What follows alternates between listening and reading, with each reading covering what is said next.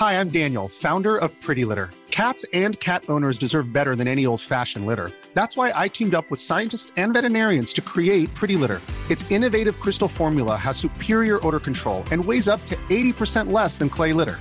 Pretty Litter even monitors health by changing colors to help detect early signs of potential illness. It's the world's smartest kitty litter. Go to prettylitter.com and use code ACAST for 20% off your first order and a free cat toy. Terms and conditions apply. See site for details.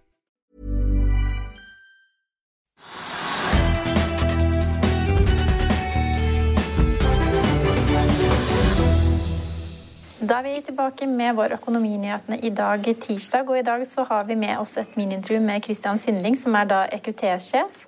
Vi skal også se nærmere på teknisk analyse av Sidil og hva som skjer på Europa-, Asia- og USA-markedene. Vi begynner her hjemme med Oslo Børs. Og før vi går til Oslo Børs, Trygve, så har vi jo snakket eh, mye om korona det, det siste året. Eh, og vi er ikke helt over kneika ennå, er vi det?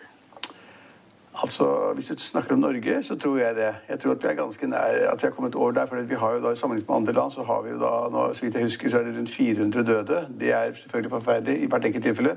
Men som statistikk og tall i land mot land, så er det ingenting. Og vi har, eh, vi har eh, Vi kan bare sammenligne med, med Sverige, som jeg tror de har 7000 døde eller noe sånt nå. 300 000 døde i USA? Ja, og vi har, vi har 7000 der, og så har vi og så har vi 40 000 smittede i Norge, mens Sverige har 300 000 smittede. I USA er det 16 millioner smittede, og hvor mange er det døde? 300 000-400 000 eller noe? I Storbritannia? Nei, I USA er det i hvert fall 300 000 døde. Ja, og der har de 16, 16 millioner smittede. Men det snakkes jo om at vi nå går inn i en litt spesiell tid. La oss bare ta Norge, da. Vi har fått vite at vi får lov å feire jul i Oslo med ti personer totalt. På landsbasis kjernefamilien pluss ti gjester. Eh, og så har vi disse studentene som nå reiser hjem fra studiestedet for å være sammen med familien. Og Håper de får lov til det. Tror du det er mange som nå går og tester seg i tilfelle de skulle teste positivt og måtte sitte i karantene på julaften? Nei, det tror jeg er et lurespørsmål. Du tenker at de, altså, de, vil ikke teste seg, selv om de, de, skal ikke fra utlandet til bygda si. De skal fra Oslo til hjembygda eller sånn. Eller fra Trondheim, som er helt rødt nå, til ja. Eh, Stjørdal, som ja, også er rødt. Og da, da, antyder du som en ganske morsom vinkling at de da ikke går og tester seg. For hvis de blir testet positivt nå, så kommer de ikke hjem til jul. Da får de ikke julaften i familien. Så da vil du, du antyde at noen kanskje da har symptomer. Det er sikkert noen som har at hvis man har det, da, eh, feber og hoste og hva det måtte være, så vil man ikke teste seg, fordi man da heller man vil hjem til familien til julaften og smitte alle andre der. Det høres ikke veldig smart ut. Men det, det, det, men det, kan ikke, det er så mange som er så dumme. Ser, man ser jo i hvert fall at det er en liten nedgang nå i antall som tester seg. Og vi har jo hatt et, eh, en befolkning som har vært veldig gode til å teste. Skulle man teste positivt nå, så må man ti dager i karantene. Det er nå ni dager til julaften. Ja, det var det jeg prøvde å si, da. Ja, at da men, vil ikke men, gjøre og, så Vanlige, opplyste mennesker vil sikkert være flinke å teste seg likevel, men kan man tenke seg at det nå kan gå inn i en tredje smitte, smittebølge nå etter jul, med tanke på at vi nå skal hjem og feire med flere, vi kommer til å være flere sammen ved flere anledninger. Vi vet at det er veldig rødt i Trondheim, Lillehammer, en rekke småbyer og tettsteder rundt om i ja, Norge. Det er et veldig godt poeng at det ser skummelt ut i noen byer. At det er på en måte noen som har noen som har smittet mange, enten det er en sosial sammenheng eller idrett eller hva det måtte være. Altså det, er Mystisk nok så er det stadig flere steder hvor det kommer da mange som er smittet. Men, men i Norge har vi, kommet, har vi kommet så langt med at man nå driver man faktisk og distribuerer vaksineutstyr rundt om som kommune i landet. Og nå sier også statsminister eh, Erna Solberg, Erna Solberg ja. Erna Solberg sier nå da det at, at, eh, man regner med å få da godkjennelse innen e den 21. desember. Jeg trodde det var senere. Den 21. Og får da man godkjennelse for, for Pfizer-vaksinen den 21. desember, så begynner man allerede i slutten av desember, altså da rett etter jul, og i begynnelsen av januar, å distribuere da vaksinen. Og det, altså, det, er altså, det er motvekt mot at man skal få en tredje bølge. Folk begynner å bli vaksinert, og snakker om, nå snakker vi om uker. Og Det er sikkert mulig at det er eh, sammenhenger hvor man da ikke burde være, og at man da finner da smittede personer, og at det vil se litt skummelt ut. Men jeg tror ikke på noen tredje bølge i det hele tatt. Altså Ikke i Norge, men i andre land så ser det ut som man kan skumlere ting kan skje. Ja, for at I går snakket om at Tyskland stengte ned eh, nå frem til 7. januar. Vi hører om et nytt virus i Storbritannia. Danmark hadde sin verste smittedag i går. Så de skal stenge helt ned, da? ikke være stengt helt ned før? Svenskene sendte ut SMS ja. Eh, til 20, 20, millioner SMS i går, men for å kunne lese de nye reglene, så måtte du selv finne ut av hvordan du skulle gå inn på en eller annen nettside men, for å finne det, disse rådene. Men interessant er statsministeren sier, som ikke han virker av litt, litt tung og treg, han sier at ekspertene har sviktet, og Sverige har gjort feil. For De har altså altfor mange som er smittet, altfor mange som ligger på sykehus, altfor mange som er døde. Sammenlignet med f.eks. Norge, men så er det så ille i Danmark også. Eh, snakket, med noen i Frankrike i dag, og da, man, det, er litt spesielt at du har ikke lov å gå ut etter klokken åtte om kvelden. Det vil si at det, det yrende restaurantlivet som er det vanlige i Frankrike Man går ut og spiser om kvelden, man spiser lunsj også ute. Og så går man ut om kvelden og spiser. Og alt er borte nå. Etter klokken åtte har du ikke lov til å være ute. Så da, For å komme da fra, fra, til en restaurant som kanskje tar en halvtime, da, ikke sant, så må du ja, det, altså det, man er hjemme etter jobb for tiden. Det er, så det er mange steder det er kjempeskummelt. USA er ikke, det er ikke nærhet av noen bedring i det hele tatt. Men de har fått i gang vaksineringen. De har sendt ut til alle, da, alle statene, alle 50 stater så har de sendt ut da vaksineutstyr og har begynt å vaksinere. Det er bra. Det samme gjør de i Storbritannia, det samme gjør de i Moskva. Eh, så, så, og, så, forhåpentlig så kommer vi i gang i Europa kanskje allerede før jul? Først, ja, før julaften tror jeg ikke på, men etter Nei. jul. Før årsskiftet? Ja, før årsskiftet. Da tror jeg det kommer i gang. Og det vil da forhindre at vi får en tredje bølge, tror jeg da.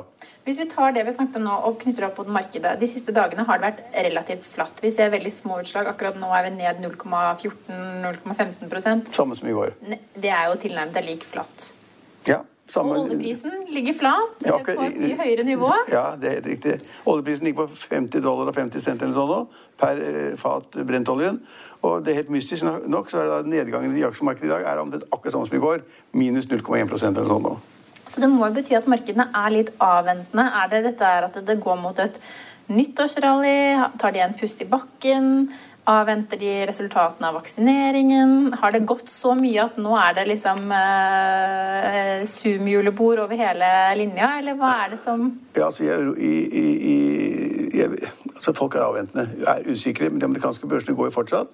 Så der ser man sikkert tegn på det at det kommer kanskje en aktivitetspakke på plass. Det er bra. Det kommer masse vaksinering på plass. Det er veldig bra. Uh, men man kan jo ikke, altså hvis folk er smittet i dag, tar vaksine i morgen. Det holder ikke. ikke sant? Så det er, og så er man mer bevisste, tror jeg, i USA. Så at markedet sier her, Hvis man bare ser på de hovedindeksene, så sier markedet at dette ser bedre ut, og det kommer til å gå bra, bra fremover. I Oslo er man da helt sånn vi, også, vi, var jo I går eller i forgårs så var vi jo bare 1 fra all time high. Altså, vi må ikke glemme det at altså, all time high på Oslo Børs tror jeg er i, i poeng 949. Ja, det var i hvert fall i det ikke februar. Vi var i all time high før korona. Jo, og, og siden, siden, midten av mars så har jo da Oslo Børs gått 50% eller sånn nå. Slik at eh, masse har gått. Det har gått veldig høyt i USA, det har gått veldig høyt i Norge. Men folk avventer. og Hvis det nå skulle vise seg at disse vaksinene virker, folk er fornøyd, det er ikke bare planer, det er ikke bare distribusjonsplaner Jeg er jo helt sikker på at Folkehelseinstituttet i Norge har alle planer klare. Alt de er klart. Eskene og boblene og Ja, for her må jo vaksineres raskt. Den vaksinen til Pfizer må jo brukes så fort som mulig. Ja, hvis det er mer enn fem timer eller noe sånt nå, så er vaksinen da ubrukelig. Ja, det høres merkelig ut. Det er sikkert riktig. Den skulle jo være minus 70 grader. Ja, så er det temperaturer her som avgjør liksom, ja, men, men, men, alt dette er skummelt. Men det, det, det, er nesten fælt å si det. Det er ikke så skummelt i Norge, tror jeg. Selv om vi har mange dumme nye tilfeller, så har man kontroll med totaltallene. Smitteantallet brutto er ikke så stort. Og syke, det er ikke flere som blir lagt inn på sykehus, og det er ikke flere som dør. Og så får vi håpe at folk tester seg fortsatt da, selv om det går mot jul. Ja, du, du, du, er liksom, du tenker sånn konspiratorisk. At han er studenten fra Trondheim, at han, ikke, at han er livredd selv om han da har feber som bare akkurat nesten ikke kan snakke og alt er galt, så går, så går han ikke og tester seg, for han skal hjem til mor. Få grøten ja. hjemme. Ja, det, tror jeg, det, tror jeg, det, tror jeg, ikke mange gjør. Altså, Men når du først snakker om grøt, da er vi jo i, i nær tilknytning til matvareindustrien eller matvar, dagligvarebransjen. Og i dag så varsler Konkurransetilsynet en kjempebot på 21 milliarder til Norgesgruppen Coop og Rema 1000. Ja, det er en fantastisk spennende sak, egentlig. og hvis man eh, følger litt med på varehandelen, det gjør jeg ganske mye, skrevet ganske mange ledere om det i Finansavisen. Noen synes det er mye, men det er et kjempemarked. Altså den Varehandelssiden er eh, utgjør på årsbasis rundt 200 milliarder kroner eller sånn nå. Og det er så mye surr med den, der, den varehandelen og de kjedene. fordi at de, par av de kjedene mener at, at det står så ille til, og at eh, alt er galt. Det skyldes da det at Norgesgruppen, som er den største, som har over 40% markedsandel, at de da kjøper inn varer fra Nortura og Tine og Orkla til lavere priser enn da Rema 1000 og Coop. Og Det krangler de om hele tiden. Eh, og jeg mener at det er helt naturlig at en kjempekjede som har nesten halvparten av markedet, får billigere cola billigere pizza enn de som da kjøper inn 100 cola og 100 pizza. Det syns jeg bør ikke, ikke gå på Handelshøyskolen for å skjønne. Uh, samtidig så og de snakker stygt om hverandre hele tiden. Og sånn, og Norgesgruppen skjelles ut. Og, og Norgesgruppen skal ikke få lov til å eie lokaler som da de leier ut til andre. De, Norgesgruppen, Hvis de eier et lokal, så vil de aldri leie ut til Rema eller Coop. ikke sant, så det er i seg selv. Og så har det kommet politikere på banen som skulle i disse dager snakket på Stortinget om hvordan man skulle forby Norgesgruppen, Coop og Rema 1000, som har egne merker, som det heter. Altså en egen iskrem eller eget vaskepulver eller, eller egen pizza eller egen øh, ja, et eller annet, alt annet. Egne merker som konkurrerer med da de vanlige merkevarenes eh, produkter at man skulle ikke få lov til å selge i egne butikker. Så altså Hvis du har en egen fabrikk som selger da ost, og du har en egen fabrikk i Frognerveien, så skulle du ikke få lov til å selge din egen ost i din egen butikk. Det er bare sludder. Så de, de sier så mye tull og så mye rart. Og, så, og hvorfor er da matvareprisene så høye i Norge, sier de. Altså, ja, det er fordi at uh, de tjener så godt, enten etter Reitan eller, uh, eller Johansson eller hva det måtte hete, være. Men grunnen til at priser er så høye i Norge, er at vi har en kjempeimporttoll, en barriere fra utlandet. Så vi kan ikke kjøpe alle de råvarene vi vil til Norge. Da er det 400% eller 300% toll på det. Det er masse tull i landbruket. Og nå, så nå, etter ti år, altså etter ti år har det vært kjent i bransjen at disse forskjellige kjedene, for da ikke liksom tape i konkurransen når du går og handler og sånn, så har de sånne, de kaller det prisjegere, som da løper rundt en gang i uka og finner ut hva da konkurrentenes varer koster. og Så løper de tilbake til sine egne butikker og så korrigerer de prisene, slik at det er konkurranse hele tiden. Og da mener Konkurransetilsynet, og det er litt sånn sensasjon i dag, de sier at de der som har løpt rundt, disse prisjegerne, da, som har løpt rundt og sjekket prisene, det at de gjør det, og forteller da liksom, at Rema-ledelsen får vite hva prisen er hos Coop, eller hva Rema-ledelsen får vite hvordan prisen er hos Norgesgruppen, så gjør det at de prisene blir hele tiden satt opp. Ikke ned, jeg tror det ble satt ned, men, men, men, men Konkurransetilsynet mener da en eh, avgjørelse nå at dette har ført til prisoppgang, at for konsumenten er tapt. Og så har de gitt en bot på 21 milliarder kroner. Og så kaller de det vel også samarbeid? Altså prisjeger... Ja, men, men altså en 21... rundt prisjegervirksomhet? Ja, men skal ikke du spørre meg hvorfor, hvordan kommer de frem til de 21 milliarder? Jo, det er jo et voldsomt beløp for oss ja. andre. Men er det små, småpeng for disse Nei, det er her, vanvittig mye penger. Og det er uh, altså 7 milliarder og 4 milliarder. Og, og, og det går på egenkapitalen i disse varekjedene, i selskapene, rett på bunnlinjen. Det er et kjempetap. Nå er det jo ingen som tror Altså, det er ingen som tror at de kommer til å betale 21 milliarder kroner. Det kommer til å bli en rettsvis i årevis med masse advokater som klarer da på å kanskje overbevise konkurransemyndighetene om at dette ikke var galt allikevel. Det var egentlig bra. Prisene har falt, ikke steget. Eller de blir så uenige at det blir rettssaker som da kommer til å gå i flere år, og som da skaffer masse advokater masse god arbeid til en høy pris, en høy kostnad. At, altså, men det er et sjokk for bransjen. Altså da At Konkurransetilsynet virkelig mener da det at det at de der går rundt og ser på hverandres priser, at det, at det er så stygt at de skal straffes så hardt. Og mener, Hvem som helst kan egentlig gå i butikken og sammenligne. Altså Hvis du vil gå i butikk og sammenligne da, hva smøret koster i to butikker, så finner du ut det. Men du har kanskje ikke med deg skanner og gjør det så alle ser det. Men dette er noe som bransjen har kjent i ti år. De tre kjedene har kjent til det. Og også myndighetene har visst det at det går sånne piratjegere rundt omkring og skanner vareprisene.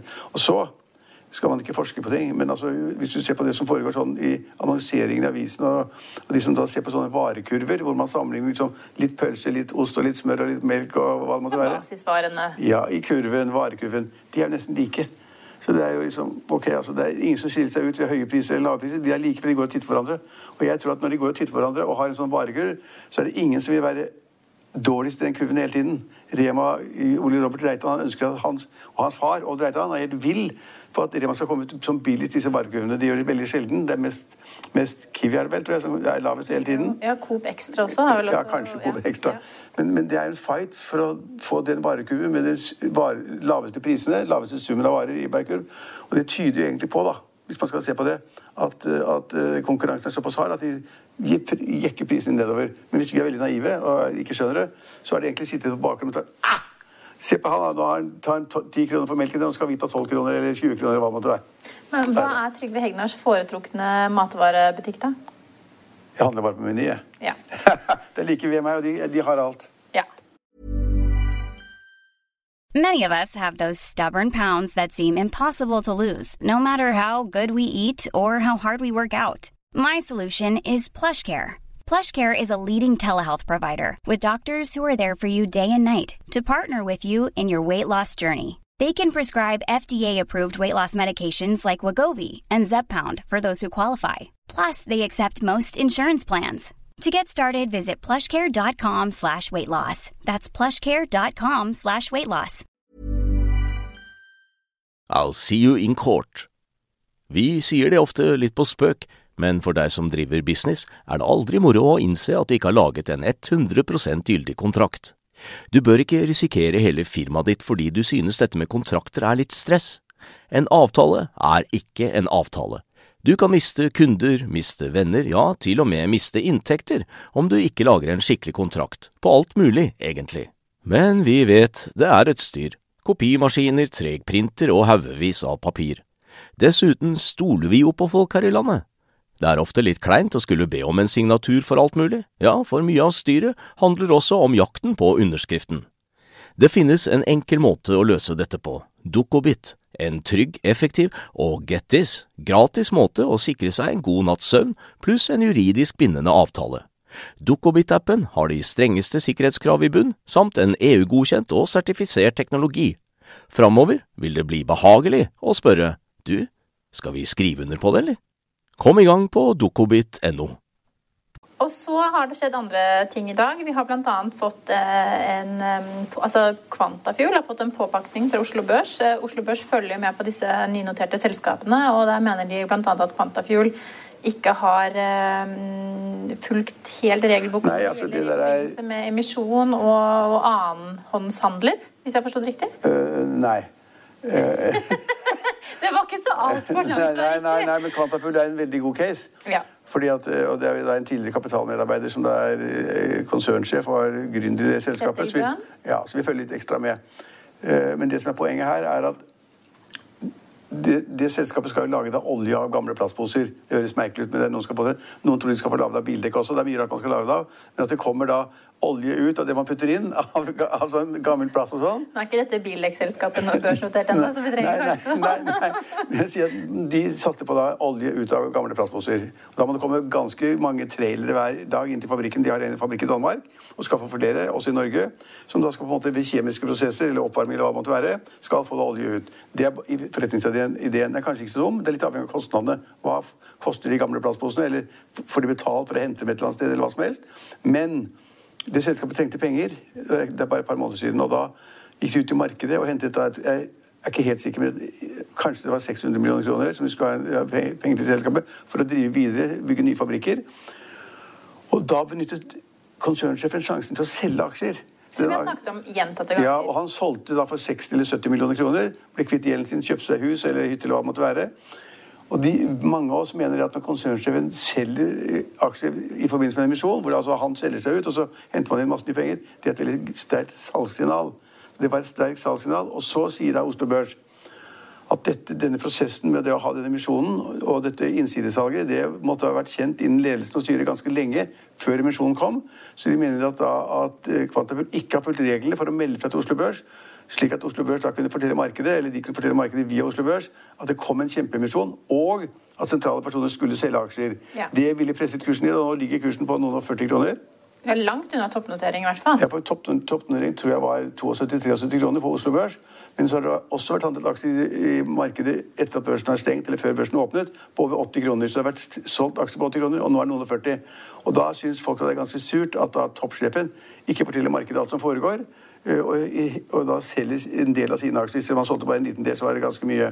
Så det er, dårlig, altså det er et dårlig signal at man da ikke sier fra. Og Oslo Børs mener at de skulle sagt fra lenge før. Ja. Og da har jo da Quantafuel brukt uh, advokater og økonomer og rådgivere og alt mulig rart, som burde vært flinke nok til å fortelle Kjetil Bøhn hvordan han skulle gjøre det. Men vi har to selskaper som... Og det kommer til å bety at Quantafuel kommer ikke til å gå opp på lenge. For dette er lokk på den aksjen. At man ikke liker det man hører eller ser. Og at Oslo Børs da gir dem en reprimande, det er heller ikke bra. Måtte i tilfelle være at den gikk på nyheter om at de faktisk nå får eh, produksjonen opp og ja, ja, ja, altså, Det vil jo kunne være med på å sende Ja, ja, det er godt, godt poeng at hvis de, hvis de plutselig sender en pressemelding Det vil ikke forundre meg om at de nå har akkurat bygget en ny fabrikk eller lagt på 100 kvadratmeter den gamle fabrikken, og det kommer mer olje ut i den enden enn de gjorde før, så går kursen opp. Ja. Litt. Så har vi dagens taperaksjer. Vi har Sidril på topp i dag. Altså der har eh, kreditorene nå mulighet til å erklære mislighold etter at selskapets seniorsikrede kredittfasiliteter og leasingordninger gikk ut mandag 14.12. Ja, altså Sidril har gitt opp for lenge siden. Vi har snakket om det her i flere år. og Sidril, altså har vært en sånn eh, gjeldskonvertering og refinansiering av lån og alt som er.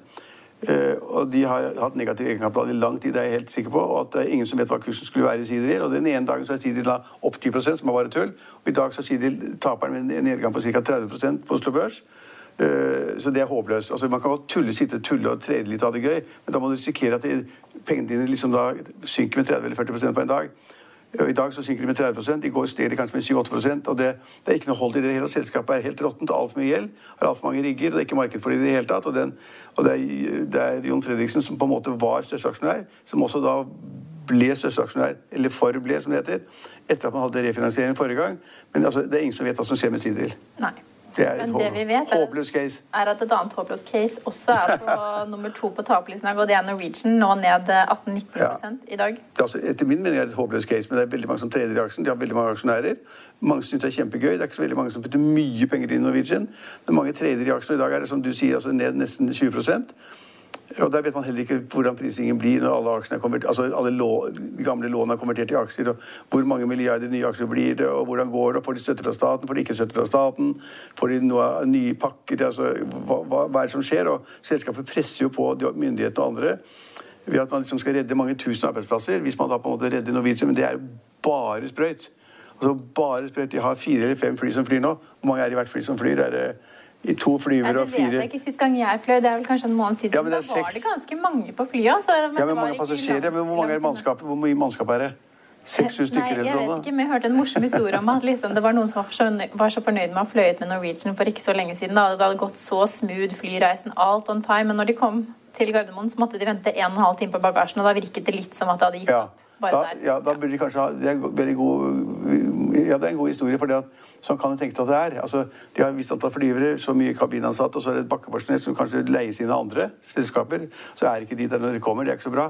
Men det er ikke, det er ikke slik at de der fire eller fem flyene de har, og som flyr nå Og de har, altså, har da 140 fly, de har jo hatt mange flere. Men det er ikke slik at, disse, at de trenger flere tusen ansatte for å fly de flyene. Så altså, Hvem som helst kan jo overta virksomheten til Norwegian hvis du blir kvitt gjelden. Den er over 60 milliarder kroner. Og da ansette nye flyvere og nye kabinansatte og inngå avtaler med Widerøe eller andre, som- eller andre store selskaper som kan hjelpe dem med handlingen på flyplassene. Ta imot kofferten når det kommer, eller hente den ut på, på bånd når, når det er fremme. Så Det er ikke snakk om flere tusen arbeidsplasser her. Selv når, hvis Norwegian skulle få hjelp av staten, selv hvis Norwegian skulle få noen til å putte mer penger i egenkapital i selskapet, altså noen som kjøper aksjer, så er det snakk om en brøkdel av de antall ansatte som de hadde. Ja. Resten er permittert. Ja. Og så skal vi snakke litt om eh, andre aksjer. fordi eh, Pareto Securities spår at Norske Skogs driftsresultat vil øke med nesten 1 milliard frem mot 2025. Norske Skog, altså. Den Jeg vet at Norske Skog ja, ja, ja. Gir en kjøpsanbefaling og et kursmål på 50 kroner, Trygve. Ja, jeg kan ikke nok om det i no, no, nei, om Norske Skog nå. Da må jeg lese Finansavisen først. Ja, Da må vi gjøre det til i morgen, kanskje. Magnora har gått som en kule de siste månedene, men Sundt-arvingene Christian og Helene Sundt har brukt desember til å kvitte seg med aksjer i selskapet og er nå ute av de 50 største aksjonærene i selskapet. De er i hvert fall ikke med på den listen lenger. Men Magnora har jo vært eh, som sagt, en veldig attraktiv aksje å være i de siste månedene. Så kan vi ta med at Ribro Sønn har kjøpt 12,1 million aksjer i Q-Fri, og aksjen stiger 10% Vi har også eh, Infront opp 10 etter at Inflection Private Equity Partners vil komme med et bud på selskapet. Så kan vi kanskje nevne Rex Silikon Ja, opp 7-8 Det er et røkkeselskap i mine øyne. Derfor er det spennende hva som, hva som skjer. Og åpenbart mange som tror da at det selskapet han overtok for en, ja, en lav pris, i hvert fall, eh, på, på billigsalg, kanskje.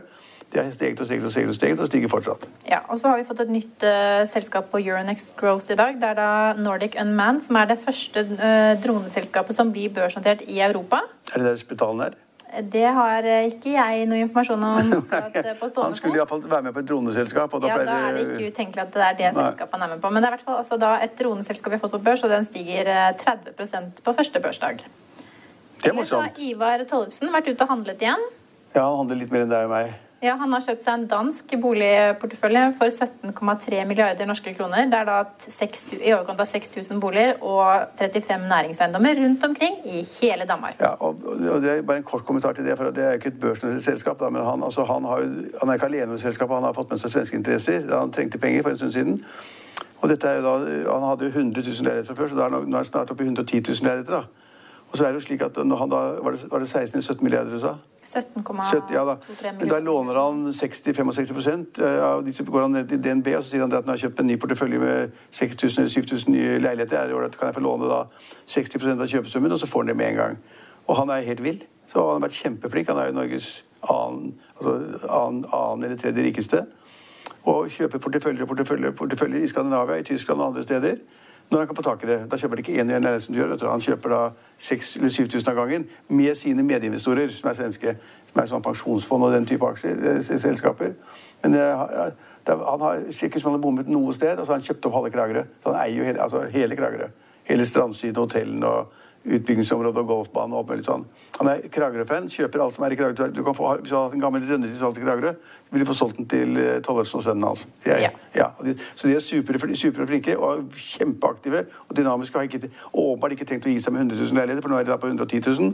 Men neste uke er det kanskje 120 000 leiligheter. Men når du sier at Oslo Børs har gått så voldsomt siden eh, mars, Trygve, ja. så er det jo helt utrolig at disse meglerhusene likevel kan fyre av nyttårsraketter som aldri før. For denne uken så har det virkelig tatt av med nyttårsraketter fra bl.a. DNB, Investec, ja. den ene og den andre. Vi ser store utslag på mindre aksjer i dag, som er blant disse nyttårsrakettene. Hva tror du? Jeg, altså, jeg vil ikke gå inn og si hva nytt, altså, nyttårsraketter generelt vil jeg ikke si noe om.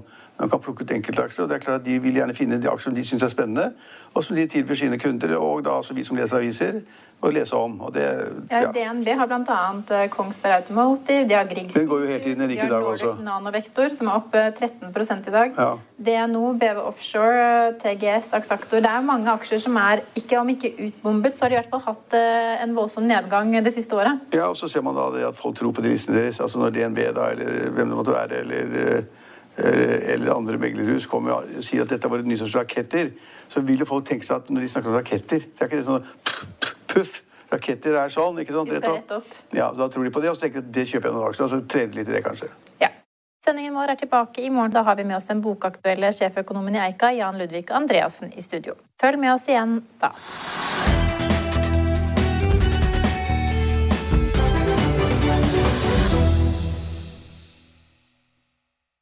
Økonominyhetene er en podkast fra Finansavisen. Programledere er Marius Lorentzen, Stein Ove Haugen og Benedikte Storm Bamvik. Produsenter er Lars Brenden Skram og Bashar Johar. Og ansvarlig redaktør er Trygve Hegnar.